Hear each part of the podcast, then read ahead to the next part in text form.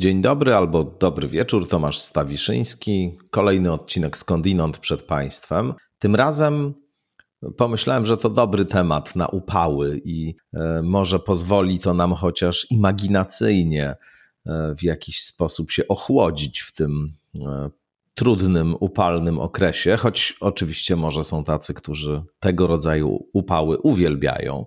Ja je trochę nie najlepiej znoszę, więc e, cóż, trochę przez ten własny pryzmat dystansu do upalnej pogody. Dziś dr Mikołaj Golachowski będzie Państwa gościem, biolog, podróżnik, przewodnik po Antarktydzie i Arktyce e, autor książki o niezwykle e, specyficznym tytule i zapadającym w pamięć czochrałem antarktycznego słonia. Doktor Mikołaj Golachowski, no tak jak właśnie przed chwilą powiedziałem, spędza znaczną część roku właśnie w tych najzimniejszych rejonach świata. Prowadzi tam działalność o charakterze przewodniczym, można się wybrać i wraz z nim na statku na przykład przeżyć tam jakieś niesamowite przygody. No i o to go wypytuje, o to właśnie specyficzne upodobanie do tych pustych, oblodzonych przestrzeni, mm, nawet nie upodobanie, jakąś pasję, jakąś miłość do tych krajobrazów i tych temperatur i tego świata. Bardzo ciekawie e, Mikołaj Golachowski o tym opowiada, no bo w ogóle jest e, barwnym, niezwykłym e, człowiekiem. I tak, zapraszam rzecz jasna. W przyszłym tygodniu i w kolejnych tygodniach wakacyjnych będą Państwo też mogli słuchać różnych ciekawych rozmów poświęconych religii i religijności. To taki trochę wakacyjny plan rozmów, które odbywaliśmy w minionym sezonie w Teatrze Powszechnym, wirtualnym Teatrze Powszechnym w Warszawie. No a teraz już po prostu życząc Państwu zarazem dobrych wakacji, wypoczynku i ulgi mm, takiej czy innej w tych temperaturach tropikalnych, zapraszam na rozmowę z Mikołajem Golachowskim, rzecz jasna. Doktor Mikołaj Golachowski jest gościem w podcaście Skądinąd. Dzień dobry. Dzień dobry. Biolog, podróżnik, autor książek, między innymi książki o niezwykle zapadającym w pamięć tytule Czochrałem antarktycznego słonia – i też chyba przewod, przewodnik po Antarktydzie, tak mogę scharakteryzować to, czym się zajmujesz na co dzień. To znaczy, zajmowałeś się przed pandemią, rzecz jasna. No tak. Przewodnik po Antarktydzie. Przewodnik po Antarktydzie i po Arktyce, generalnie w rejonach polarnych. Skąd ci się wzięła ta Antarktyda i Arktyka, powiedz? Y, jak to się zaczęło? Od tego zacznijmy. No chyba książki są wszystkiemu winne. Otóż jako mały chłopak najbardziej lubiłem, jak mi ojciec czytał książki Kurwooda i Londona i tam e, wszyscy przeżywali jakieś fantastyczne przygody w bardzo zimnych krainach. No i jakoś tak wyrosłem w takim przeświadczeniu, że e, jeżeli spluniesz i ślina nie zamarznie w powietrzu, zanim trafi na ziemię, to to w ogóle nie jest żadna przygoda. A później, później doszedłem do wniosku, właściwie obserwując siebie, już, że zdecydowanie lepiej się odnajduję w takich sytuacjach zimnych niż ciepłych. To znaczy upał mi doskwiera, a mróz nie bardzo, poza tym zawsze można się lepiej ubrać i już wtedy w ogóle nie jest zimno. I generalnie w ogóle chłód mi się kojarzy jakoś tak miło. E, takie moje dotykowe doznania nawet zawsze się wiązały z dotykaniem czegoś chłodnego, a gorące raczej mnie troszeczkę od, odstręcza. Czyli ty za latem nigdy nie tęsknisz, tak? Wiesz co, no lubię lato, yy, byleby nie było za ciepłe. Taka temperatura powiedzmy 20, 25 stopni to jest bardzo sympatyczna. No fajnie jest to, że można wyjść na dwór nie ubierając się, więc e, wiadomo, że to jest wygodne i przyjemne. Lubię letnie przyjemności typu pływanie w jeziorze, czy nawet w morzu, chociaż wolę w jeziorze e, i tak dalej, ale, ale zimę zawsze jakoś miałem głębiej w sercu i w dodatku ja się urodziłem w grudniu, więc też od, male, od maleńkości mi się zima po prostu dobrze kojarzy, bo wtedy miałem urodziny. No tak, to jest istotny czynnik, rzecz jasna. Ale rozumiem, że nie zacząłeś swojej e, przygody z regionami zimnymi od razu od pracy jako przewodnik, tylko najpierw podróżowałeś tam po prostu, tak? Znaczy nie, najpierw pojechałem tam jako naukowiec. W ogóle e, ja całe życie myślałem, że bardzo chciałbym pracować w Arktyce, ale później mm. jakoś tak się złożyło. No, studiowałem biologię, zostałem na wydziale, tam e, przez wiele lat pracowałem. Chyba z Pawłem Boguszewskim byłeś na roku. Nie, ogóle, on, był, nie? on jest młodszy ode mnie. Rozumiem. Rozumiem. Mój młodszy kolega ze studiów. Rozumiem. Byłem z nim, nie, moment, byłem z nim na roku, bo nie zdałem kiedyś z biochemii i yy, w związku z tym wylądowałem yy, na, na warunku rok niżej, także przez jakiś czas rzeczywiście z Pawłem byłem na roku. Jeszcze Wiktor Kotowski tam Wiktor chyba w był z nim na roku, tak studiował. tak samo, dokładnie. Dobry rocznik, naprawdę dobry. No, ja nie jestem ten rocznik, przypominam tutaj mm. uprzejmie, ale... Mam na myśli taki, wiesz, skład y, gdzieś na przestrzeni Aha. kilku lat mniej więcej. No to jeszcze dodaj Pawła, dodaj, dodaj jeszcze Pawła Golika, który y, też no proszę. Był, był z nami, on z kolei był rok wyżej nade mną. No, niezły skład, to prawda. No właśnie, ale co? Ta Arktyka się pojawiła w kontekście naukowym najpierw, tak? Właśnie, najpierw się pojawiła Antarktyka, bo mm. ja w Polsce prowadziłem swoje badania Y, zawsze lubiłem ssaki drapieżne i zawsze lubiłem y, zagadnienia dotyczące tak zwanej ekologii behawioralnej, czyli y, nauki o tym, po co zwierzęta robią to, co robią. A w dodatku jakoś tak na początku swojej pracy badawczej, naukowej, przez między innymi przyjaźń właśnie z Pawłem Gulikiem, zacząłem stosować narzędzia molekularne, bo po prostu jakoś tak się rozglądałem za jakimś projektem, poszedłem do tych zaprzyjaźnionych genetyków i mówię, słuchaj Paweł, właśnie e, może masz jakieś fajne narzędzia do, do pracy? On powiedział, no akurat mam takie narzędzie i obaj byliśmy, myślę, tym podkręcani nieźle, dlatego że genetycy, e, bo tam Paweł jakby koordynował to, ale w końcu pracowałem z paroma innymi osobami też. Oni się cieszyli z tego, że wreszcie te ich laboratoryjne dociekania mają jakieś odzwierciedlenie w realnej przyrodzie, a ja oczywiście E, cieszyłem się, że używam takich seksownych narzędzi, których wtedy, to było 20 lat temu, jeszcze nikt w Polsce nie używał. Mm. No i, i to była bardzo fajna współpraca.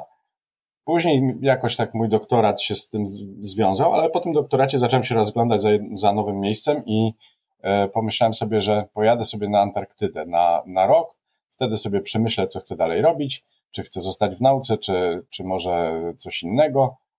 No i pojechałem i to było w 2002 roku i od tego czasu niestety tam wsiąkłem kompletnie, to znaczy ta, ta jedna wyprawa zmieniła się właściwie w całe życie, bo już co roku tam wracam, pomijając ten rok właśnie covidowy. A co cię tam tak y, urzekło, że się tak wyrażę? A,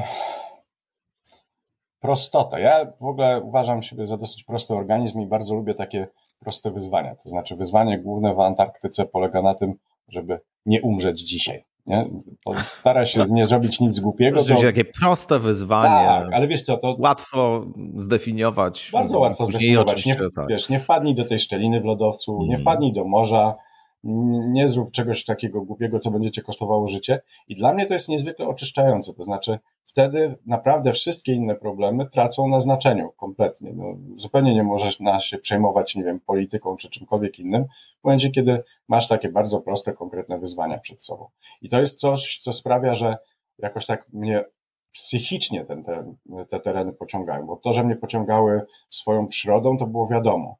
Poza tym e, z czasem, jak zacząłem tam jeździć, właśnie najpierw na tą Antarktydę, bo paradoksalnie było mi tam bliżej niż do Arktyki, dlatego że stacja polska antarktyczna Arctowski była wtedy prowadzona przez e, Zakład Biologii Antarktyki, natomiast ta stacja na e, Spitsbergenie jest prowadzona przez Instytut Geofizyki, więc mi jako biologowi łatwiej było trafić na Antarktydę, mimo że jest dużo dalej. No ale więc właściwie wymyśliłem taki projekt badawczy związany właśnie z tymi słoniami morskimi, bo z tym swoim, e, powiedzmy, bagażem zainteresowań i doświadczeń e, pomyślałem sobie, no dobra, to muszę wymyśleć jakieś zwierzę, które sprawi, że pojadę na tą Antarktydę, czyli jak ekologia behawioralna, zwłaszcza strategie rozrodcze, to mnie też najbardziej kręciło zawsze, no to słonie morskie mają jedną z najbardziej dramatycznych na naszej planecie. E, te moje techniki molekularne bardzo dobrze się przydały do tego, żeby sprawdzać, co im z tej strategii wychodzi. To są takie metody, jakie i u ludzi stosujemy, na przykład określając mm. czyjeś ojcostwo, czyli e, generalnie chodziło o to, że słonie morskie mają, e, tam jest bardzo silna konkurencja o partnerki. Samce, które sobie dobrze radzą w tej konkurencji, czyli najpierw wystraszą albo później pobiją innych konkurentów, generalnie zdobywają duży kawałek plaży. E, później samice przypływają. Ja to zawsze podkreślam. Też taki prosty świat w sumie, nie? Tak, ale wiesz, właśnie ważne jest to, że ja, ja unikam nazwy takiej nawet oficjalnej władca haremu, dlatego że ten samiec nie jest żadnym władcą tych samic, bo one się zjawiają później. One przypływają i po prostu jak masz więcej plaży, no to zmieścić się tam więcej dziewczyn, ale dla nich to jest epizod w ich życiu, dlatego że e, ten samiec spędza cały sezon e, na tym, co w punk rocku określamy jako e, sex and violence, czyli nie, nie ma czasu na jedzenie, na nic innego, tylko cały czas się tłucze z tymi rywalami, albo właśnie stara się przekazać swoje geny kolejnym pokoleniom. W związku z czym on pod koniec jest tak wyczerpany, że bardzo często w ogóle umiera albo szanse, że odzyska siły do następnego roku na tyle, że będzie znowu e, władcą plaży, są bardzo niewielkie. W międzyczasie pojawią się inne samce, które dorosną do tej wielkości, będą Ale co sobie porządził, to porządzi. Tak, on ma wtedy ten jeden strzał taki, kiedy może w ciągu tego sezonu e, mieć nawet 100 partnerek i teoretycznie może przekazać e, swoje geny 100 potomkom. Natomiast E, z punktu widzenia samicy to jest tak, że ona jak, nas, jak przypłynie tutaj za rok, to już ktoś inny będzie rządził tą plażą, czyli on jest takim jej tegorocznym kochankiem. Natomiast e, są inne samce, które nie są aż Zupełnie tak wielkie. Nietradycyjny, nietradycyjny model rodziny, prawda? Tak, poza tym ona żyje dwa razy dłużej od niego. Samiec żyje jakieś 12-13 lat, e, rośnie całe życie i ten, ten jeden ostatni rok to odchodzi z wielkim boom, ale E, no właściwie to tak jakby się nad tym zastanowić, no to piękna to jest śmierć e, z wojownika i kochanka jednocześnie, nie? Ale Oczywiście. dla niej to jest jeden z dwudziestu paru, których ona będzie miała w życiu, dlatego że ona żyje dwa razy dłużej, czyli jakieś 24-25 lat, zaczyna się rozmnażać mając dwa lata i jej tam właściwie jest wszystko jedno. Temu się w tym roku udało, super, on będzie ojcem moich dzieci, nie? W każdym razie on w najmniejszym stopniu nie jest ich władcą. Natomiast ja zacząłem się zastanawiać nad tymi innymi samcami, które są też już dojrzałe płciowo, tylko nie są jeszcze aż tak wielkie i tak silne, ale też by chciały. Więc oni stosują inną strategię, którą w ekologii behawioralnej określamy jako sneakers, e, czy sneaker właściwie. Sneakers to jest mhm. już spolszczenie. E, mianowicie podkradają się do tych dziewczyn wtedy, kiedy e, ten, ten duży jest zajęty czymś innym. Więc pytanie jest, no oni mają nawet, jest jeszcze inna nazwa na tą strategię sneakersa, ja może nie będę jej używał po polsku, ale po angielsku spotkałem się w literaturze fachowej z określeniem sneaky fucker. I generalnie no. chodzi o to, że one po prostu e, próbują się dorwać do tych dziewczyn, więc pytanie było, ilu im się udaje. No do tego potrzebowałem DNA zarówno od tych wielkich samców, jak i od tych potencjalnych sneakersów, od samic, no i od tych samych młodych, nie? Więc e, projekt się jakoś tak rozwinął e, i to pojechałem badać. Przy czym e, uczciwie przyznaję że, i myślę, że to w ogóle generalnie tak jest wśród naukowców, że nie wiem, chcę jechać na Borneo, więc wymyślam sobie, że muszę koniecznie zbadać orangutan. To u mnie na pewno tak było, że ja po prostu bardzo chciałem na tą Antarktydę pojechać. Tak czy siak myślałem, że to będzie jeden epizod w moim życiu. Mhm. Natomiast i zdecydowanie jest tak, że przyciągnęły mnie tam zwierzęta. To znaczy ten projekt badawczy, pretekst naukowy, jak go chcesz określić, ale później po prostu to, co mnie uzależniło i to, do czego, co sprawia, że ciągle wracam, to jest piękno tego krajobrazu. To znaczy, o ile zwierzęta mnie tam przywiodły po raz pierwszy, to e, lód sprawia, że ciągle wracam. To, jakie ma kolory, formy lodowiec albo góry lodowe, to jest coś, co nie przestanie mnie zachwycać nigdy. I, i bez tego już sobie nie wyobrażam życia. No tak jak mówiłem, pracujesz jako przewodnik w tamtych rejonach. Można wraz z tobą zagłębić się w ten krajobraz i się o nim sporo dowiedzieć. Od kiedy właściwie się zajmujesz taką działalnością? E, chyba od 2005 roku. Bo to jakoś tak było, że wiesz, jak żyjesz na tej stacji, to to jest fantastyczne doświadczenie. Ja tam e, pierwszy raz pojechałem na rok i w tym czasie przypływały do nas statki z turystami, którzy oczywiście schodzą na ląd na znacznie krócej, na tam kilka godzin ale za to odwiedzałem dużo więcej miejsc, więc we mnie rosła jakaś taka zazdrość, że tutaj niby jestem w tej Antarktyce, żyję sobie rok w tym absolutnie fantastycznym miejscu, ale jednocześnie czytam, słyszę o wielu innych fantastycznych miejscach, które wcale nie są tak daleko, a do mhm. których ja się nigdy nie dostanę jako naukowiec. Więc e, pociągało mnie to, że mm, można płycej, owszem, ale, ale za to w większym zakresie też tą Antarktykę poznawać, czyli to jakby druga strona tego samego medalu. Co więcej, widziałem też tych przewodników i się z nimi zaprzyjaźniłem, bo ja zwykle ich oprowadzałem po naszej stacji, e, zarówno turystów, jak i tych, tych ich e, przewodników i e, widziałem, na czym polega ich robota. No to pomyślałem sobie, kurczę blade, oni jak nie pływają zodiakami, co wygląda na dużą frajdę, bo po prostu wiesz, pływasz sobie taką fajną mm. łodzią wśród kier lodowych, to na statku mają wykłady dla tych turystów, tłumaczą im ten świat dookoła i tak dalej, uczą ich o ochronie przyrody. Ja sobie pomyślałem, no, pracowałem na uniwersytecie właśnie wtedy, to 7 lat chyba w sumie było, e, czyli w zasadzie jestem wykładowcą w miarę e, doświadczonym. Pływanie zodiakami wygląda jak fajna rzecz. Poza tym uczenie o ochronie przyrody to jest coś, co mnie pasjonuje od zawsze. No i w dodatku oglądanie tych fajnych miejsc, nie? Także jakoś tak się złożyło, że mi tam chyba, bo my mamy taką współpracę z tymi statkami turystycznymi, że y, oni często pomagają nam w logistyce. Dzięki temu, że mogą nas odwiedzać, to z kolei z wdzięczności czasem nam pomagają jeżeli ktoś musi wrócić ze stacji y, nie pod koniec antarktycznego lata, kiedy przypływa z powrotem nasz statek, który nas tam przywiózł, tylko jakoś w trakcie, to bardzo często właśnie naukowcy korzystają z uprzejmości tych statków turystycznych, które ich zawożą do Argentyny i stamtąd można już wracać samolotem. Także kiedyś właśnie mnie tak zabrali i to była taka wycieczka, gdzie mm, popłynęliśmy najpierw na Georgię Południową, później na Falklandy i skończyliśmy w Buenos Aires.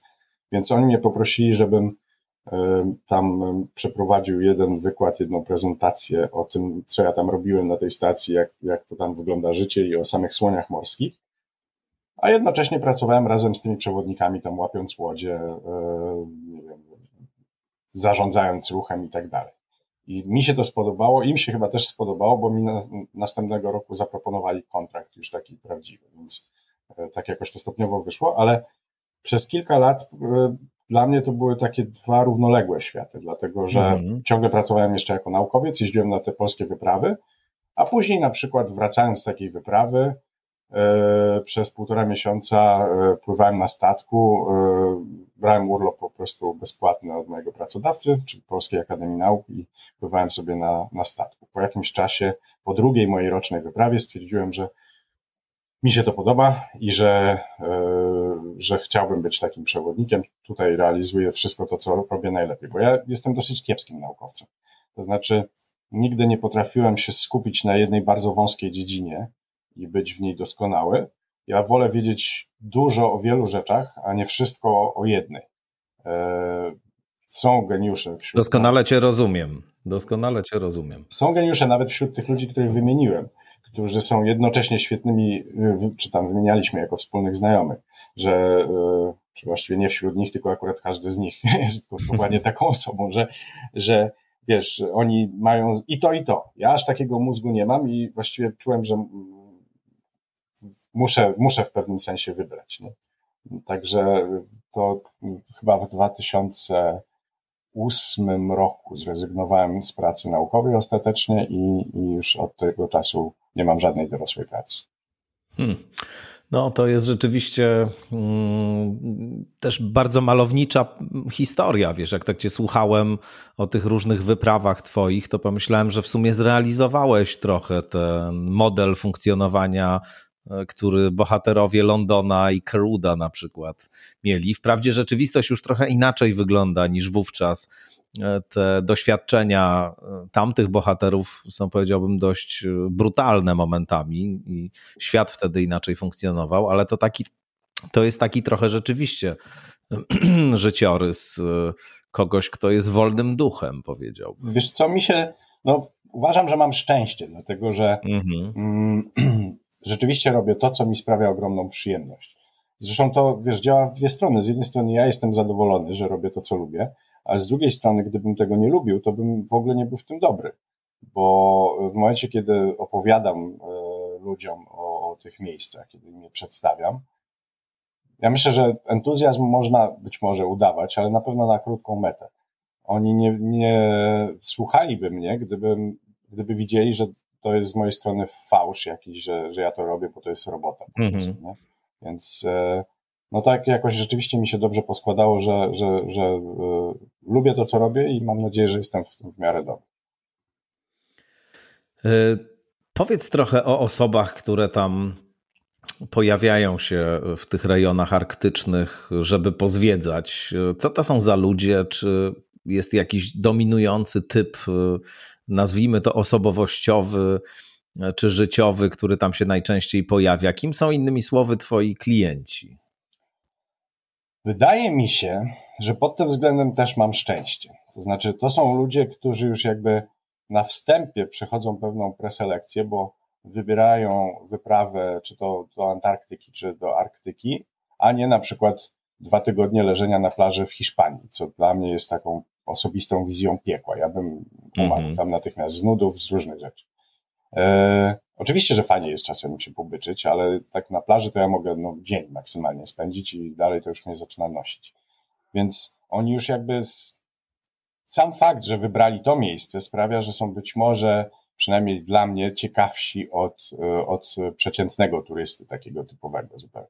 Poza tym, no niestety te wycieczki są dosyć drogie, więc często są to ludzie w miarę, no muszą być w miarę majętni, natomiast często są to ludzie też wpływowi. Ja tam miewałem, wiesz, mm -hmm. i następców tronów różnych i tak dalej, i tak dalej, więc też przemawianie do nich i, i y, pokazywanie im przyrody, jaka ona jest wartościowa i tak dalej, y, w moim przekonaniu ma sens taki właśnie, że to są ci ludzie, którzy czasem podejmują decyzje bezpośrednio wpływające na te miejsce. Więc e, to też sprawia, że, że te interakcje są ciekawsze. I generalnie, wiesz, oni nie wszyscy są przyrodnikami, ale mi by w życiu nie przyszło do głowy, że są w jakikolwiek sposób ode mnie głupsi, nie? W związku z czym ja mogę do nich mówić z szacunkiem, w inny sposób niż zwracałbym się do studentów biologii, E, bo nie są biologami, ale nie muszę się ograniczać, nie muszę, wiesz, bać się, że zaraz, kurde, coś, nie wiem, chlapnę o ewolucjonizmie i jakiś gamoń mnie, wiesz, pozwie do sądu, bo, bo on się obrażał i, i mu, mu się to nie zgadza z jego punktem widzenia. E, generalnie takich ludzi, no powiedzmy, policzmy jakoś tak e, na szybko. Jeżeli 15 lat się tym zajmuję, czy 16, w tym czasie miałem, nie wiem, ze 150 tych wycieczek mniej więcej, no może trochę mniej, ze 130. Na każdej e, jakieś 100 osób, no to już naprawdę jest całkiem spore, spore grono. I w tym gronie spotkałem dwie osoby, które były odrażająco głupie i złe. Dwie. Wiesz, i to się to przejawiało. Bardzo, bardzo niewiele. Moim zdaniem bardzo niewiele. E, I ta, ta, to ich zło przejawiało się w sposobie, w jaki traktowali na przykład marynarzy albo e, obsługę restauracji. Nie? Byli chamscy, wywyższali się i zachowywali się w sposób odrażający. Nas tak nie traktują, dlatego że no, jakby nawet taki e, tego typu człowiek ma świadomość, że e, w tym miejscu to jednak ja naprawdę wiem lepiej, co robię niż on. Ale, ale właśnie w momencie, kiedy zachowywali się w takim fatalny sposób wobec, wobec ludzi, od których też zależy ich życie jak najbardziej, tylko nie jest to takie dla nich oczywiste, takich jak właśnie kelner czy kelnerka w restauracji, albo marynarze, którzy im tam pomagają wsiadać i zsiadać, no to, to, to bardzo rzadko mi się zdarzyło z czymś takim zetknąć. Zresztą my natychmiast wtedy interweniujemy i bardzo ostro przemawiamy takiej osobie do rozumu i sumienia. No to, to się wydaje taka w ogóle sytuacja jak z jakiegoś thrillera, kiedy jesteś na takim pustkowiu e, w towarzystwie obcych ludzi, których nie znasz. Cywilizacja jest daleko, to znaczy oczywiście pewne znamiona cywilizacji, o to będę cię za moment pytał, zapewne, zapewne są, ale rzekłbym, że dla natur co bardziej neurotycznych to może być duże źródło stresu. Być może i ja sam e, będąc na na stacji jeszcze nauczyłem się, że właściwie najważniejszą cechą charakteru w takim miejscu jest cierpliwość i otwartość. Znaczy ja mam dosyć, mhm. na przykład, dosyć, dosyć mam zdecydowane poglądy, e, a jak byłem kierownikiem naszej wyprawy, to była już czwarta w moim życiu. E, znowu na rok pojechałem na, na Arctowskiego. E, byłem tym razem kierownikiem polskiej wyprawy antarktycznej i miałem wtedy w zespole człowieka, który no, mówiąc delikatnie, jeśli chodzi o poglądy, był dokładnie na przeciwległym końcu spektrum. On zresztą później, z tego co wiem, został radnym młodzieży wszechpolskiej w Polsce. Więc on był nacjonalistą, mizogynem, homofobem, wszystko, co, co, co mi się nie podoba, to on to sobą reprezentował.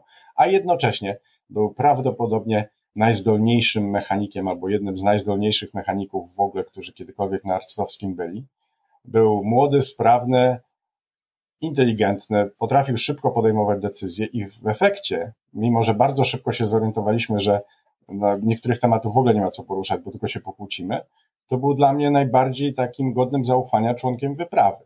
I to jest, to jest niezwykła sytuacja, dlatego że w Polsce my byśmy naprawdę nie mieli ze sobą nic wspólnego. Gdybyśmy się widywali na demonstracjach, to po przeciwległych stronach.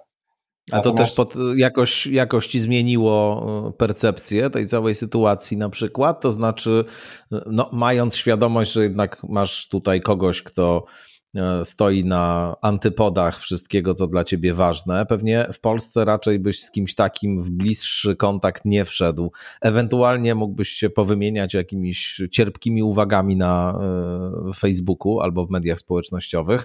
No a tutaj w takiej szczególnej sytuacji, kiedy trzeba na sobie też polegać i kiedy wiele chyba zależy od właśnie zaufania i w czyjeś umiejętności i też w czyjeś morale, nazwijmy to, w czyjś charakter no to zobaczyłeś, że to te podziały polityczne właśnie w takich sytuacjach no jakoś nie odpowiadają, e, czy nasze wyobrażenia o naszych przeciwnikach politycznych nie, nie, nie odpowiadają rzeczywistości? Czy, znaczy, czy to znaczy- jakoś tak na ciebie zadziałało? Jeśli pytasz, czy e, dzięki niemu bardziej polubiłem nacjonalistów i homofobów, to nie. nie, nie, nie to miałem na myśli.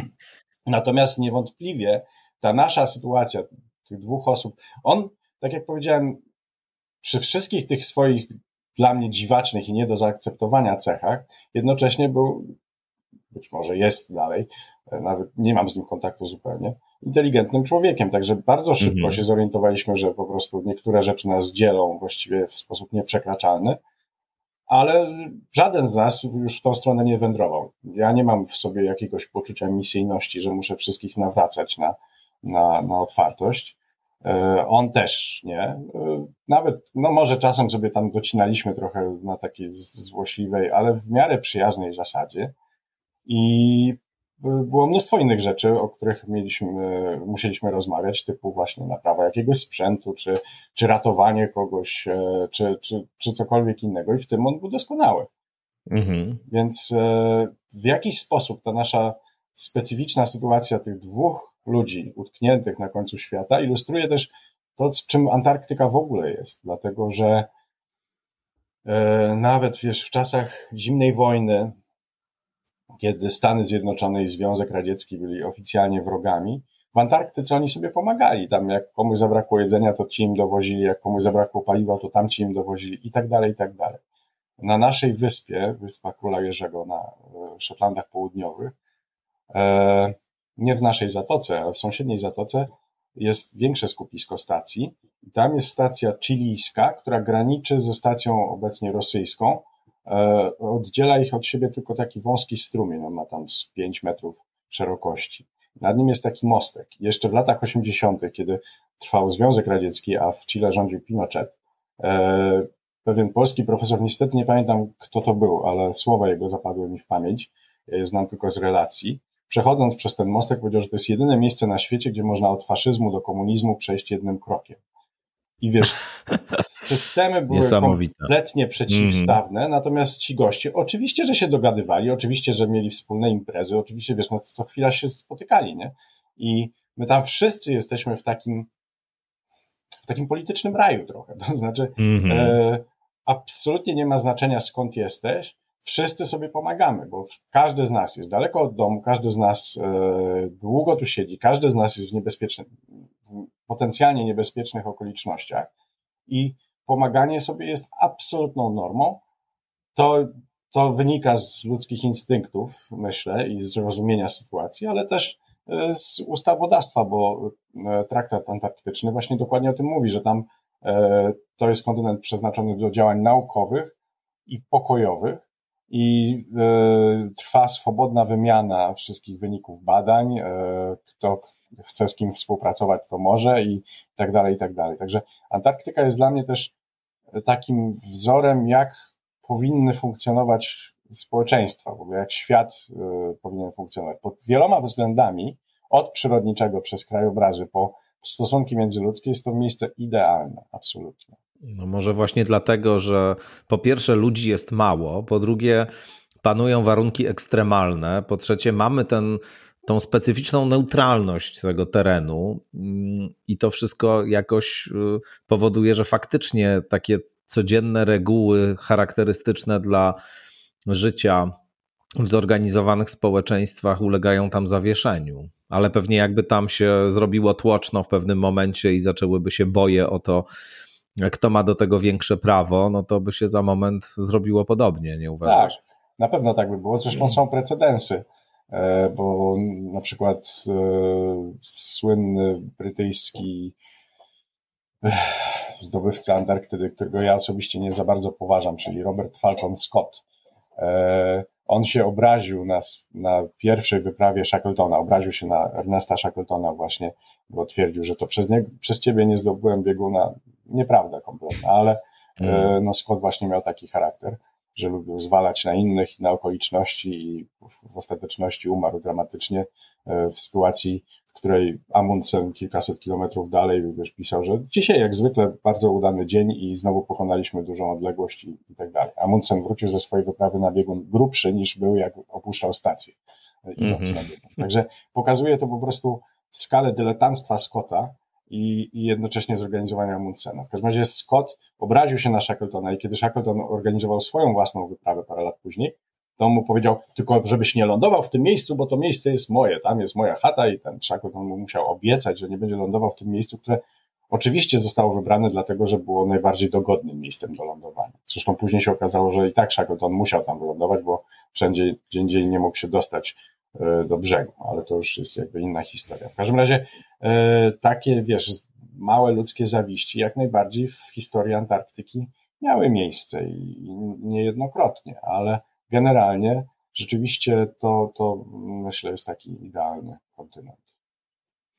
Teraz e, przez długi czas e, chyba tam nie byłeś, prawda? Z uwagi na pandemię, cała logistyka, e, która pozwala ludziom na zwiedzanie tego miejsca, została zawieszona, więc rozumiem, że od roku nie miałeś tam.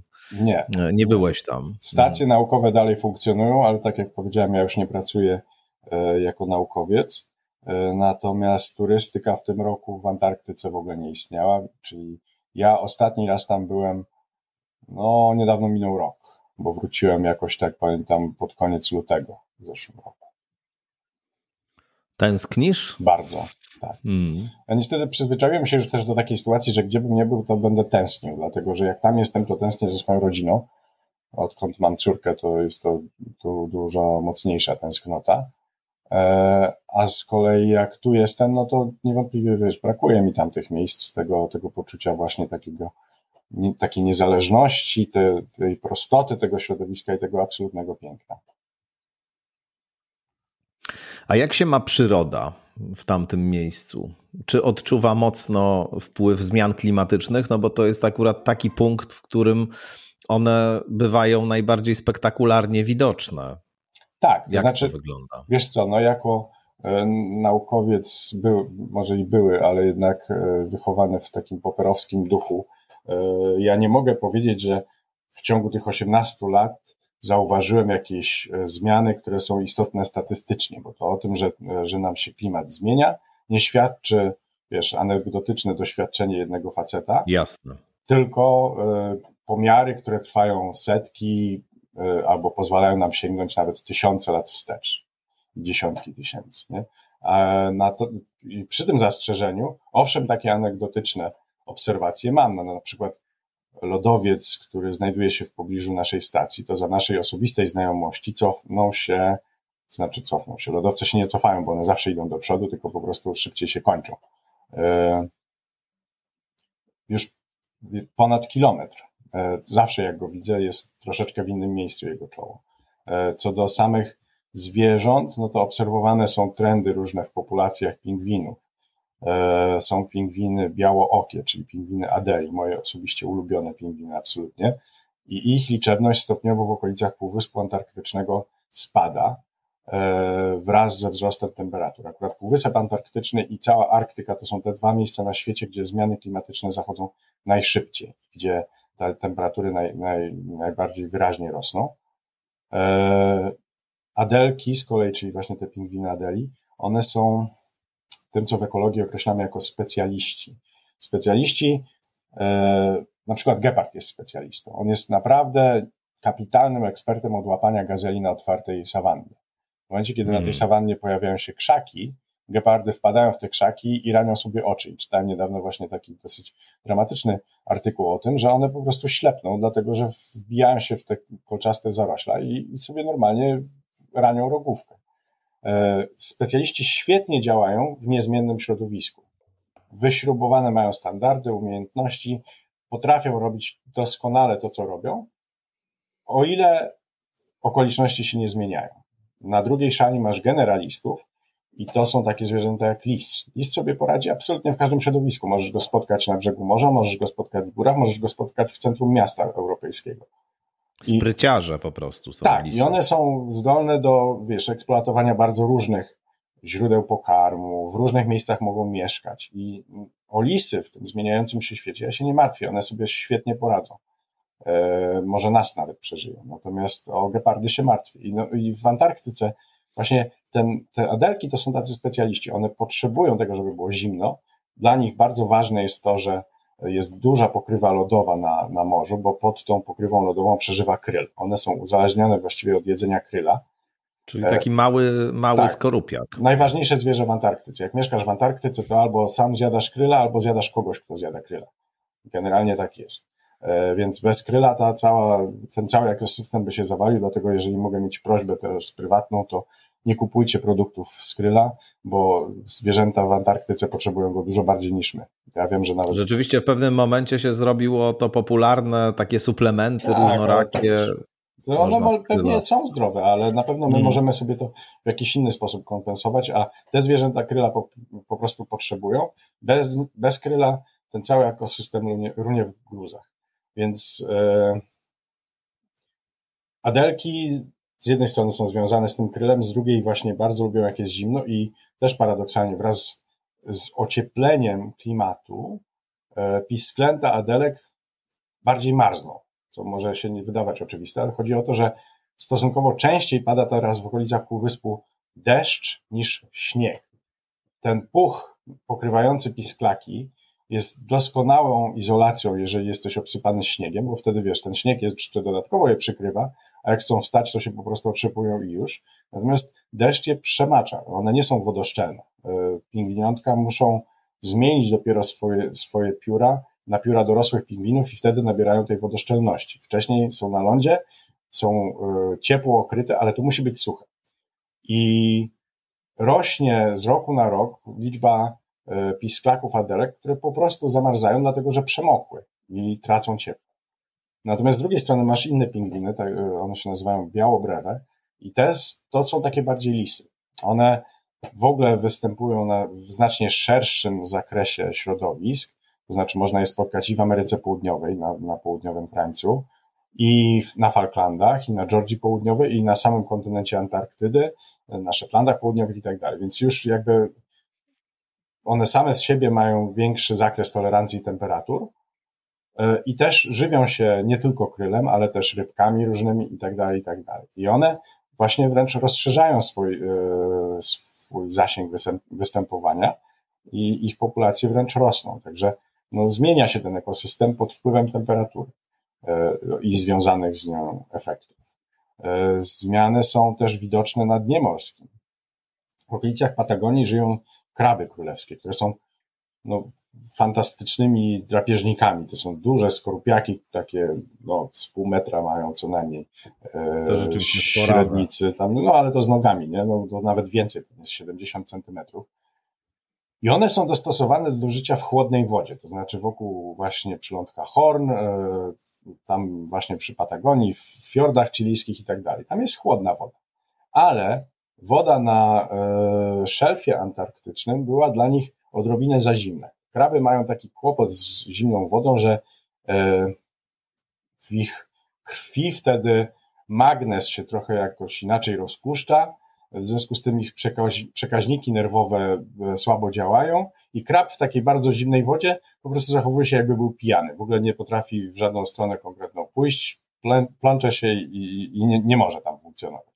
Ale wraz z minimalną zmianą temperatury od dosłownie chyba 7 czy 8 lat obserwowana jest inwazja tych krabów królewskich e, na szelf e, kontynentalny Antarktydy i one wchodzą tam jak do szwedzkiego bufetu, dlatego że wszystkie zwierzęta, które zamieszkują, a tam na dnie morskim życie jest bardzo bogate.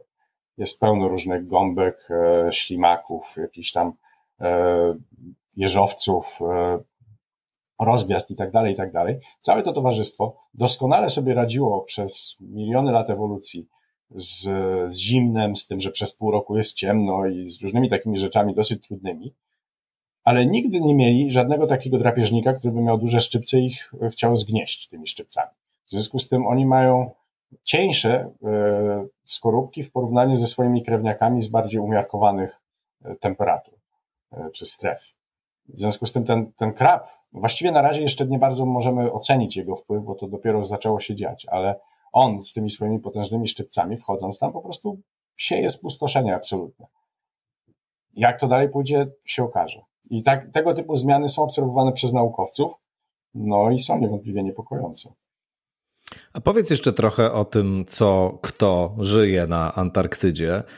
Jakie tam jeszcze zwierzęta można spotkać i co tam rośnie przede wszystkim, bo oczywiście nasze popularne wyobrażenie tego miejsca to wyłącznie wielki bezmiar śniegu, ale mamy tam naturalnie roślinność też. Tak, bo, bo, widzisz, to, to, to, znowu musimy wrócić do podstaw, dlatego że hmm. ja pewnie już teraz też używałem dwóch słów, które brzmią bardzo podobnie a znaczą odrobinę co innego. Antarktyda po polsku oznacza sam kontynent. Tak jest. E, natomiast Antarktyka to jest kraina wokół tego kontynentu wraz z oceanem, z wyspami, ze wszystkim. I teraz w głębi kontynentu Antarktydy rzeczywiście jest dokładnie tak, jak powiedziałeś, to znaczy tam praktycznie nie ma nic poza, nie wiem, jakimiś e, zdobywcami bieguna, czy, czy zabłąkanym wydrzykiem albo jakimś tam petrelem śnieżnym okazjonalnie. W każdym razie to jest... Zdobywcami, którzy nie, nie dotarli na miejsce, to no, masz na to myśli. Znaczy tak? nie, no ci, co się ruszają, to są ci, którzy być może dotrą, a ci, co się nie ruszają, to ci, którym się nie udało na przestrzeni tych e, kilkudziesięciu, no tak, ponad stu lat. To prawda. W każdym razie... A tam też jest tak jak na y, Mount Everestie, że można spotkać nie, ciała dużo, zamarznięte? Nie. Dużo większy obszar. E, jeszcze nie słyszałem chyba o żadnym wytopionym z lodowców Antarktydy ciele, Aczkolwiek no, znamy różne przykłady ludzi, którzy zginęli w szczelinach, e, na przykład w 1912 roku. E, I wszyscy mają świadomość, że prędzej czy później ten człowiek dotrze do morza i go nagle być może znajdziemy. Natomiast w Arktyce to wiem, że w, w tamtejszych lodowcach to co chwila e, pojawiają się nowe ciała i to niektóre sprzed setek lat, a niektóre sprzed kilkudziesięciu. Natomiast E, w Antarktyce jeszcze nie bardzo, bo to jest gigantyczny obszar, więc to nie jest tak jak na Everestie, że masz tam wyznaczonych kilka tras, po których wszyscy muszą przejść. E, chodzi mi o to, że w środku kontynentu życia praktycznie nie ma. Jest wielka lodowa pustynia, natomiast na jego obrzeżach życia jest pełno. I właśnie w całej tej Antarktyce morskiej, jak ją określamy, dlatego że te wody tamtejsze są bardzo żyzne, bardzo produktywne i tam jest aż zatrzęsienie, to po prostu aż kipi od życia. To jak wiesz, jak wejdziesz do kolonii pingwinów, to, to ona się ciągnie po horyzont w zasadzie. Nie? Niesamowite są te pingwiny, rzeczywiście. To... Tak, bo... Znaczy, ja tylko widziałem na filmach, rzecz jasna, jak to wygląda, ale domyślam się, że to musi być też niesamowite tak wejść gdzieś pomiędzy tak, tak. sympatycznie I... skądinąd wyglądające. Właśnie, widzisz, bo mamy problem z pingwinami. One mają doskonały PR. Nie wiem, czy nie najlepszy w ogóle w królestwie zwierząt. O, tak, to znaczy, to nie da się pingwinów nie lubić. Ja uwielbiam pingwiny, widuję je od tych właśnie 19 lat. Widziałem w życiu naprawdę miliony pingwinów, bo bywałem w koloniach, które mają prawie milion ptaków w jednym miejscu. Ale da, cały czas po tych wszystkich latach, jak widzę pingwina, to nie da rady, muszę się uśmiechnąć. No one sobie tak chodzą, spacerują, tak. gadają coś nieustannie, tam bardzo konferują. Łatwo, bardzo łatwo jest je jakby troszkę lekceważyć, bo one są takie słodkie, takie zabawne. Mówi się, że to najlepsi komedianci w świecie przyrody. To Dobrowolski już się rozpisywał, no, jeden z pierwszych polskich polarników, jakie to one są zabawne i jak człowieczek we fraczku tam sobie łazi, łazi, łazi. Ale Człowieczek we fraczku to jest świetne określenie. Tak. Wiesz, brakowało mi właśnie takiego dobrego określenia na pingwina człowieczek we fraczku. Tak, Dokładnie. ale to jest trochę mylące, bo łatwo nam jest je w pewnym sensie lekceważyć i uważać za takie słodziaki. Natomiast tak naprawdę jest to e, no, pingwiny jako zbiór powiedzmy 18 czy 19, a ostatnio się okazuje, że 20 paru gatunków e, są najbardziej udaną grupą ptaków na świecie. To znaczy, jak policzysz kilogramy ptaszyny na świecie, to oczywiście pierwsze miejsce zajmą kury hodowlane nie? Na, na przemysłowych farmach i tak dalej. Ale na drugim miejscu zaraz będą pingwiny, czyli większość kilogramów ptasiny na świecie to jest pingwinina. Chodzi o to, że one odniosły niebywały sukces mm. ewolucyjny. Jest ich pełno, doskonale sobie radzą w swoim środowisku, są niebywale wytrwałe. E, Wystarczy obejrzeć jakikolwiek filmik, jak pingwiny wracają z morza na ląd, kiedy morze po prostu, wiesz, ciska nimi bezlitośnie o, o skały, a one nie dość, że y, nie giną od tego, one są bardzo też sprężyste, są trochę zbudowane jak takie piłeczki, że się dobrze odbijają, dlatego że mają y, te, te, ich pióra, oprócz tego, że y, są wodoszczelne i trzymają ciepło dobrze, to są też dosyć sztywne więc stanowią taki jakby pancerz dookoła pingwina, pod tym jest puch, a potem są jeszcze potężne mięśnie. Więc on, no może siniaka sobie czasem nabije o taką skałę, ale bardzo często nic im się kompletnie nie dzieje od tego walenia o skały. I w dodatku jeszcze potrafi, wiesz, pazurami złapać się tej mokrej, e, śliskiej skały i wdrapać się na nią. Wiesz, spróbuj wdrapać się na jakąkolwiek prawie pionową mm -hmm. skałę, nie używając rąk, nie samymi stopami. No to wtedy docenisz jakie one są naprawdę niebywale twarde. Absolutnie, mistrzowie. Mistrzowie, absolutnie. Także owszem, wzbudzają naszą sympatię, ale też powinny jak najbardziej wzbudzać podziw. Natomiast w ogóle, i to jest dla mnie kolejny, prawdopodobnie osobiście najistotniejszy aspekt rajskości e, Antarktydy, który sprowadza się do tego, że ponieważ stamtąd jest tak strasznie daleko wszędzie gdzie indziej, najbliższy inny kontynent to jest Ameryka Południowa, ale e, Półwysep Antarktyczny od Ameryki Południowej e, dzieli prawie tysiąc kilometrów. Wszystko, co żyje w Antarktyce, musiało tam albo przylecieć, albo przypłynąć. Czyli są tylko ptaki morskie i ssaki morskie. Nie, nie, nie wspominając o jakichś tam drobnych bezkręgowcach, które e, są tam właściwie z czasów jeszcze, kiedy Antarktyka była, Antarktyda była połączona z innymi kontynentami w ramach Gondwany i później, wiesz, sobie oddryfowała i one oddryfowały razem z nią. Wtedy też na Antarktydzie były dinozaury na przykład, ale one wszystkie wyginęły. Chodzi o to, że nie ma tam praktycznie żadnych lądowych zwierząt, czyli też nie ma żadnych lądowych drapieżników. Ani niedźwiedzie polarne tam nie żyją, ani wilki żadne, ani lisy, ani nic tego typu. E, ludzi też jeszcze 200 lat temu tam nie było. W związku z czym zwierzęta, które tam żyją, nie mają żadnych naturalnych wrogów na lądzie. No czasem się zdarza, że na lądzie uchatka antarktyczna zje pingwina, albo jeszcze go skrzywdzi w okropny inny sposób, bo czasem go najpierw zgwałci, a potem zja, czasem jednocześnie i to i tak. Natomiast e, poza takimi epizodami, to generalnie one na lądzie wrogów nie mają. W związku z czym niczego się nie boją, bo nie mają pojęcia, że powinno się czegokolwiek bać.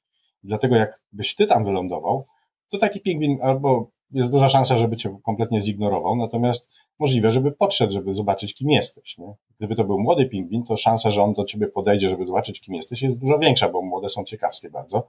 Wiesz, jakbyś sobie teraz, dzisiaj, znajdujesz się na, e, w Antarktyce, siadasz sobie na plaży, teraz kończy się tam lato, więc te pingwinięta są już e, w trakcie pierzenia się, one biegają po całej okolicy, są obżarte po prostu po uszy, e, potwornie są tłuste, często muszą odpoczywać jakbyś sobie usiadł na tej plaży, to jest duża szansa, że mały pingwinek położyć się na kolanach, dlatego że po prostu wydają mu się one czymś większym i bardziej e, mm. przyjaznym mm. niż okoliczne kamienie. E, zero lęku po prostu, czyli jest taki, wiesz, biblijny raj po prostu. Wszyscy na równych prawach się spotykamy. Nie? Małe słoniki morskie podchodzą, żeby cię obwąchać, e, przytulić się do ciebie, bo im jest smutno, dlatego że mama karmiła tego słonika przez trzy tygodnie, po czym e, on w tym czasie w ogóle wyrósł. Jak się, słonik morski, jak się rodzi, waży jakieś 30 do 50 kilo, po trzech tygodniach waży już 150 Malutki bobasek. Tak, po trzech tygodniach waży już 150 kilo. Jego mama w tym czasie, produkując bardzo tłuste mleko, traci jakieś 200 kg masy swojego ciała. W związku z tym ona po tych trzech tygodniach jest też wykończona. Ona musi wrócić do morza, a on cały ten tłuszcz, którym się obżarł, musi teraz przerobić na własne ciało, własne tkanki, własne, własny tłuszcz. Więc on zostaje na plaży i mu jest smutno, no bo miał mamę, a nie ma mamy. Nie? Mama sobie poszła, a on tutaj siedzi i, i właściwie się nudzi. W związku z czym jak człowiek jakiś tam się znajdzie, to taki słonik podchodzi, wiesz, no patrzy, o kurde, jakiś fajny ssak, trzeba się z nim przywitać. Więc jest jak ssak ze ssakiem, wiesz, na równych prawach i zawsze to jest z inicjatywy zwierzęcia, dlatego że jedną z żelaznych zasad w Antarktyce jest to, że nam nie wolno do nich podchodzić, natomiast ich te zasady nie obowiązują, więc one podchodzą sobie, bo tak, bo czemu nie, bo, bo się nudzą, albo bo widzą szef fajne zwierzę i trzeba się przywitać.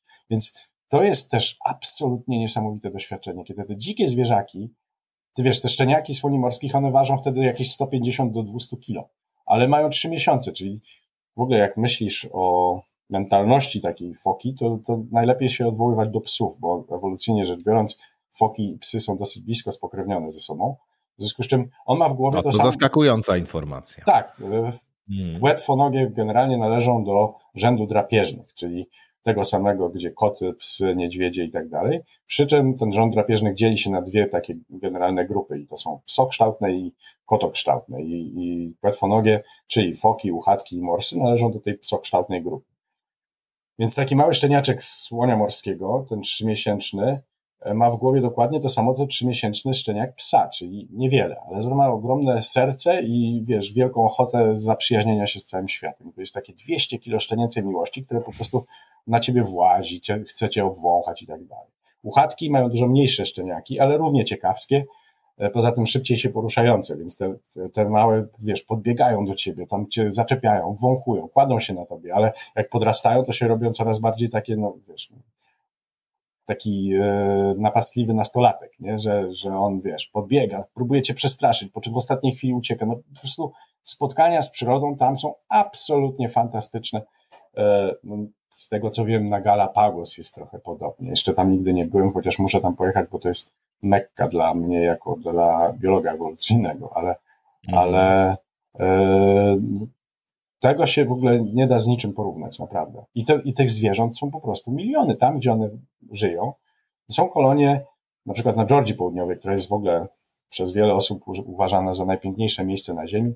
Ja osobiście, o ile zgadzam się z tą obserwacją, rzeczywiście jest to chyba najpiękniejsze miejsce na świecie, to ja aż tam czuję pewien przesyt tego. To znaczy, dla mnie Georgia południowa... Aż za pięknie. Aż za dobrze, wiesz, bo to jest pasmo górskie, które wystaje prosto z oceanu, tysiąc kilometrów od najbliższego lądu, e, zresztą co to za ląd? To Falklandy, e, więc też niewielkie wyspy w sumie. I wiesz, i te góry wyrastają prosto z morza na wysokość 3000 metrów, więc wyżej niż Tatry, tylko tyle, że Tatry już mają podstawę około tysiąca, nie? Więc one są dużo wyższe niż Tatry, jak tak na nie patrzysz. Są głębokie fiordy w tym, są jakieś równiny, a na tych równinach na przykład masz 200 tysięcy par pingwinów królewskich. Pingwiny królewskie są absolutnie najpiękniejszymi ze wszystkich pingwinów. Mają taką bardzo subtelną, żółto-pomarańczową e, szyję, dziób. Radzę sobie to obejrzeć. I 200 tysięcy par, czyli 200 tysięcy chłopaków, 200 tysięcy dziewczyn i 200 tysięcy pisklaków w jednym miejscu. Po horyzont ciągnie się e, ta kolonia. Tu od razu należy zaznaczyć, że u pingwinów, tak jak i u wszystkich zwierząt, którym się lepiej przyjrzeliśmy, e, regularnie występują zachowania homoseksualne, więc część z tych par to nie będzie chłopak i dziewczyna. Tylko... No przecież to jest niezgodne z naturą, to jak to możliwe? No jest jak, niestety zgodne z naturą jak najbardziej, jak wiemy doskonale oczywiście. Zresztą nawet jakby, wiesz, to jest e, nie wiem, czy to jest kategoria etyczna czy filozoficzna, w każdym razie jest coś takiego jak błąd odniesienia do natury czy do przyrody, że e, Prawda. spróbujemy sobie coś usprawiedliwiać, dlatego że to jest wszędzie w przyrodzie, albo wręcz przeciwnie, krytykować coś, bo tego nie ma.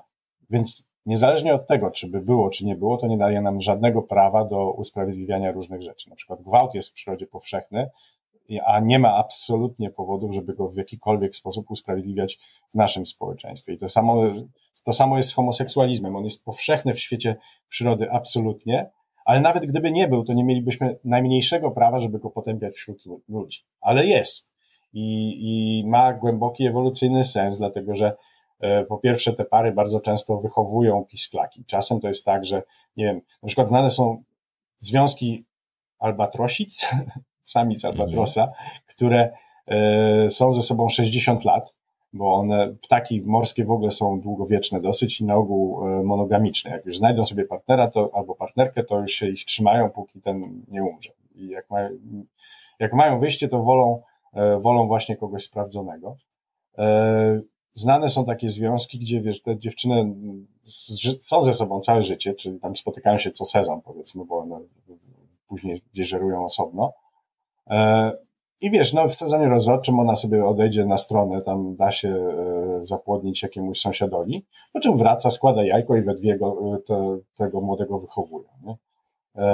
U pingwinów analogicznie. Czasem, czasem to wiąże się z pewnym rozbojem, bo czasem chłopaki tak bardzo chcą mieć pisklaka, że, że zabierają jajko komuś innemu, ale on se może znieść następne. I, I jak najbardziej też biorą udział w związku z tym w rozrodzie. Także e, jakby zboczyliśmy od tematu. E, tak. Chodzi mi o to, że, że po prostu ilość tych zwierząt jest obezwładniająca. To jest mhm. naprawdę, wiesz, kolonia ciągnąca się po horyzont. Jeszcze to wszystko okolone tymi pięknymi górami, tymi lodowcami. W ogóle Georgia Południowa jest też dosyć zielona, więc tam wszystko jest malownicze. No, straszne miejsce. Po prostu po pięciu dniach na Georgii Południowej ja dochodzę do siebie przez trzy dni ja, e, dla mnie jakoś tak osobiście, Georgia Południowa jest aż tak wspaniała, że ja ją traktuję jako taki jakiś wybitny deser. To znaczy, wiesz, no, ale nie, ile można tego, tego, tej pyszności zajadać? No, ja jednak bardziej się żywię chlebem, więc ja się dużo swobodniej i bardziej u siebie czuję w okolicach Półwyspu Antarktycznego, gdzie już jest troszeczkę jakby spokojniej. To znaczy, dalej jest pełno pingwinów, ale już przynajmniej nie ma tej zieleni, mm. obezwładniającej. Jest za to więcej bieli, takiej czystej, wiesz, jest błękit gór lodowych i, i, i wszystko jest jakieś takie trochę spokojniejsze, ale jeszcze przez to bardziej doskonałe. Ach, rozmarzyłem się trochę słuchając ciebie. Rzeczywiście to jakaś nieprawdopodobna kraina po prostu no, musi polecam, być. Polecam, polecam. Ale mówiliśmy y, o przedstawicielach różnych gatunków i o różnych zwierzętach, które zamieszkują y, tę krainę. To jeszcze powiedzmy o gatunku Homo sapiens. W Antarktyce nigdy nie było żadnych ludzi. My też jesteśmy no jednym z tych lądowych gatunków, które tam nigdy nie dotarły. Dopiero jakieś 200 lat temu, kiedy e, po raz pierwszy zobaczył człowiek Antarktykę, e, Antarktydę, sam kontynent. Nigdy tam nikt nie mieszkał Pierwsze zimowanie odbyło się w 1898 roku. Zresztą dwóch Polaków w tym brało udział. To był statek Belgika. Być może wcześniej jacyś łowcy fok tam zimowali, ale nie mamy żadnych potwierdzonych e, na 100% na ten temat informacji. Więc ludzka obecność tam to jest 130 lat, tak na dobrą sprawę. No może 200 lat, jeżeli liczymy wizyt. Więc e, My też jesteśmy wśród tych gatunków, których e, nigdy nie musiały doświadczać miejscowe zwierzęta. W związku z tym, tak jak powiedziałem wcześniej, nikogo Dlatego jest ich tak dużo. Też, Dlatego jest ich tak dużo. Też, no tam wiesz, tam były dramatyczne momenty historii, mm. bo jednak cały XIX wiek to, jest, e, to są czasy eksploatacji bardzo intensywnej przez łowców fok. E, a później to płynnie przeszło w wielorybnictwo i w samym XX wieku, bo Wielorybnictwo istniało na świecie takie przemysłowe powiedzmy od XV wieku, ale na początku ograniczało się tylko do niektórych gatunków, bo, bo żaglowce w miarę wolno pływały. E, nie wiem, czy w ogóle wiesz, co to jest wieloryb właściwy. Wieloryby właściwe to jest, jest ich tam cztery gatunki na świecie mm -hmm. i one się nazywają po angielsku right whale, po polsku wieloryb właściwy. A dlaczego właściwy? No bo to jest ten właściwy wieloryb do zabijania. Bo one pływają dosyć powoli, mają bardzo dużo tłuszczu, więc jak się je zabije, to e, zostają na, na powierzchni. I to było coś, co, co ludzie mogli i bardzo intensywnie e, wykorzystywali przez kilkaset lat wielorybnictwa. Zanim nie pojawiły się eksplodujące harpuny pod koniec XIX wieku, statki parowe, które pozwalały na ściganie nawet szybciej pływających zwierząt, w związku z czym dopiero XX wiek to jest na gigantyczną skalę wielorybnictwo przemysłowe. W samej Antarktyce w XX wieku zabito prawie 2 miliony wielorybów różnych gatunków. I wtedy właśnie wraz z tymi e, technicznymi udoskonaleniami pojawiła się możliwość polowania na płetwale błękitne, na humbaki, na finwale, na sejwale i tak dalej. I e, to właściwie dopiero dwa lata temu Japończycy ostatecznie przestali polować na wieloryby w Antarktyce. Natomiast takie najintensywniejsze łowy to trwały do lat 80. XX wieku. Ostatnim krajem, który je prowadził, był Związek Radziecki. E, tamten ekosystem został dramatycznie przez to e, zmodyfikowany. Jak się czyta doniesienia, relacje e, żeglarzy sprzed 100 lat, no to oni narzekają, że nie mogą spać, bo jest tak pełno wielorybów, że wiesz, cały czas hałasują albo ocierają się o burtę statku i w ogóle nie można z nimi wytrzymać. Mm. Pierwsza stacja wielorybnicza, która powstała na Georgii Południowej w 1904 roku, przez pierwsze dwa sezony nawet te ich statki nie wypłynęły z zatoki, którą, nad którą powstała stacja, bo w samej tej zatoce było tak dużo wielorybów, że nie musieli nigdzie indziej pływać. I dopiero stopniowo, stopniowo jak je e, mordowali coraz bardziej, no to musieli ruszać coraz dalej, dalej, dalej.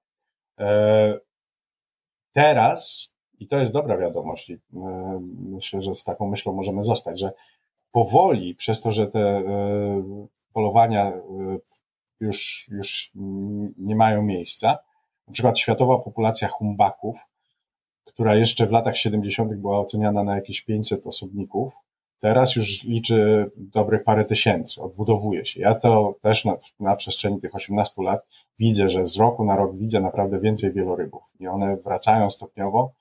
Jednocześnie oczywiście problemy z, z zakwaszeniem oceanów, z zanieczyszczeniami, z tymi wszystkimi rzeczami na pewno im nie ułatwią tego powrotu, ale przynajmniej przestaliśmy je mordować i e, pod tym względem ten ekosystem troszeczkę wraca do, do swojego stanu pierwotnego. Tam y, są jakieś konkretne prawne regulacje dotyczące y, na przykład chronionych gatunków, etc. Czy z uwagi na to, że ten cały obszar jest właśnie problematyczny pod względem prawnym, nie. w zasadzie nie do końca, znaczy jest neutralny, ale tam rozmaite państwa zgłaszają swoje roszczenia. Wiesz co? Tak, mm, ale. To jest jakoś regulowane? Jest regulowane. Powstał e, Układ Antarktyczny, którego my też jesteśmy jednym z sygnatariuszy, i cała Antarktyka jest zarządzana tym Układem Antarktycznym, który e, nomen omen zamroził wszelkie terytorialne roszczenia. To znaczy, tam na początku XX wieku różne kraje sobie wykrawały kawałki tego, e, tego e, ciasta, to przez to, że to jest okrągłe dookoła bieguna, no to takie wycinki sobie po prostu robili.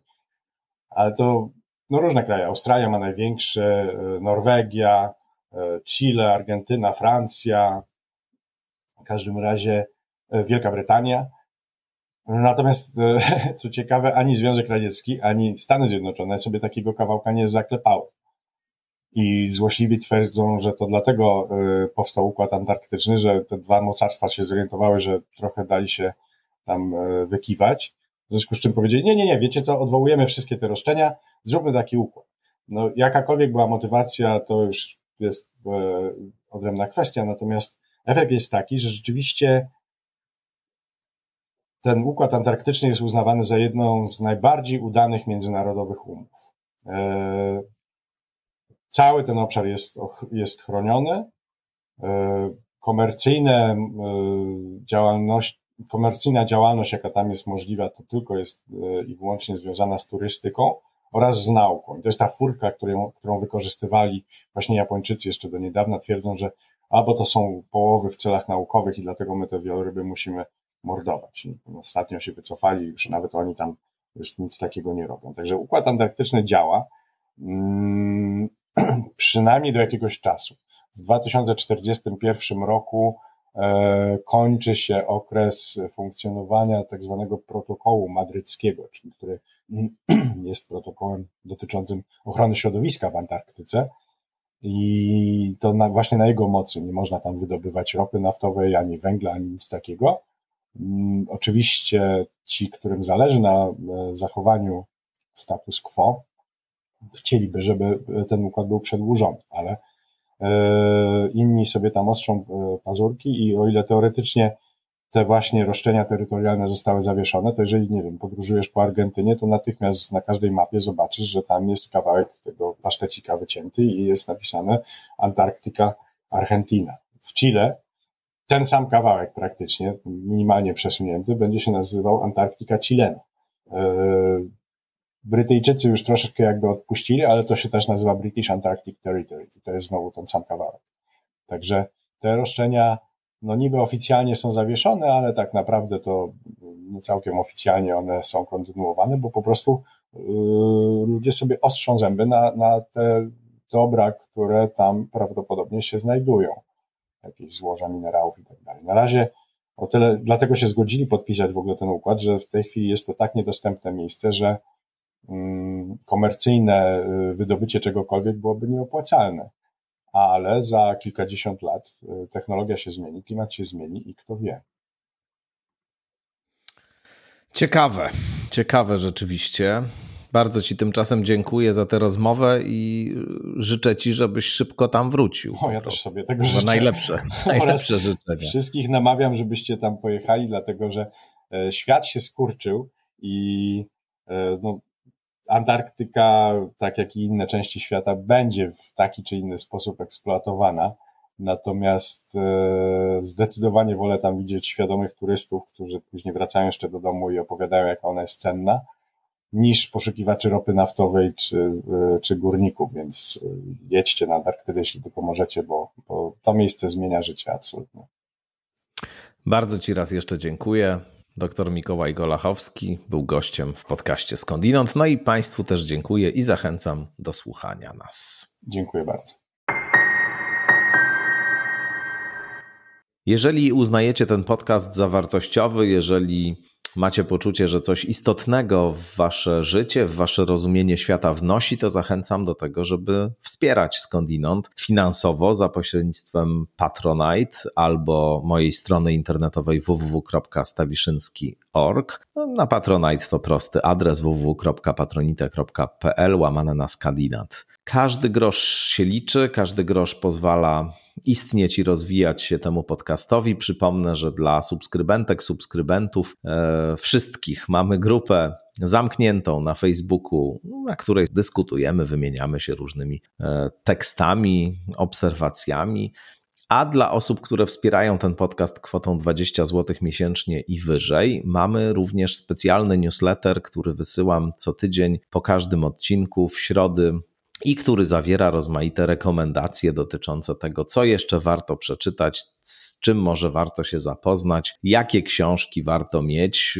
To wszystko oczywiście w kontekście czy wokół tematu, który w danym odcinku jest. Wszystkim patronkom, patronom, subskrybentkom, subskrybentom bardzo, bardzo serdecznie dziękuję za każde wsparcie. Dzięki dla pani Iwony Górskiej-Kotca, która jest absolutną rekordzistką, jeśli chodzi o wspieranie podcastu Skądinąd i życzę Państwu oczywiście wszystkiego najlepszego. No i jeszcze raz do usłyszenia.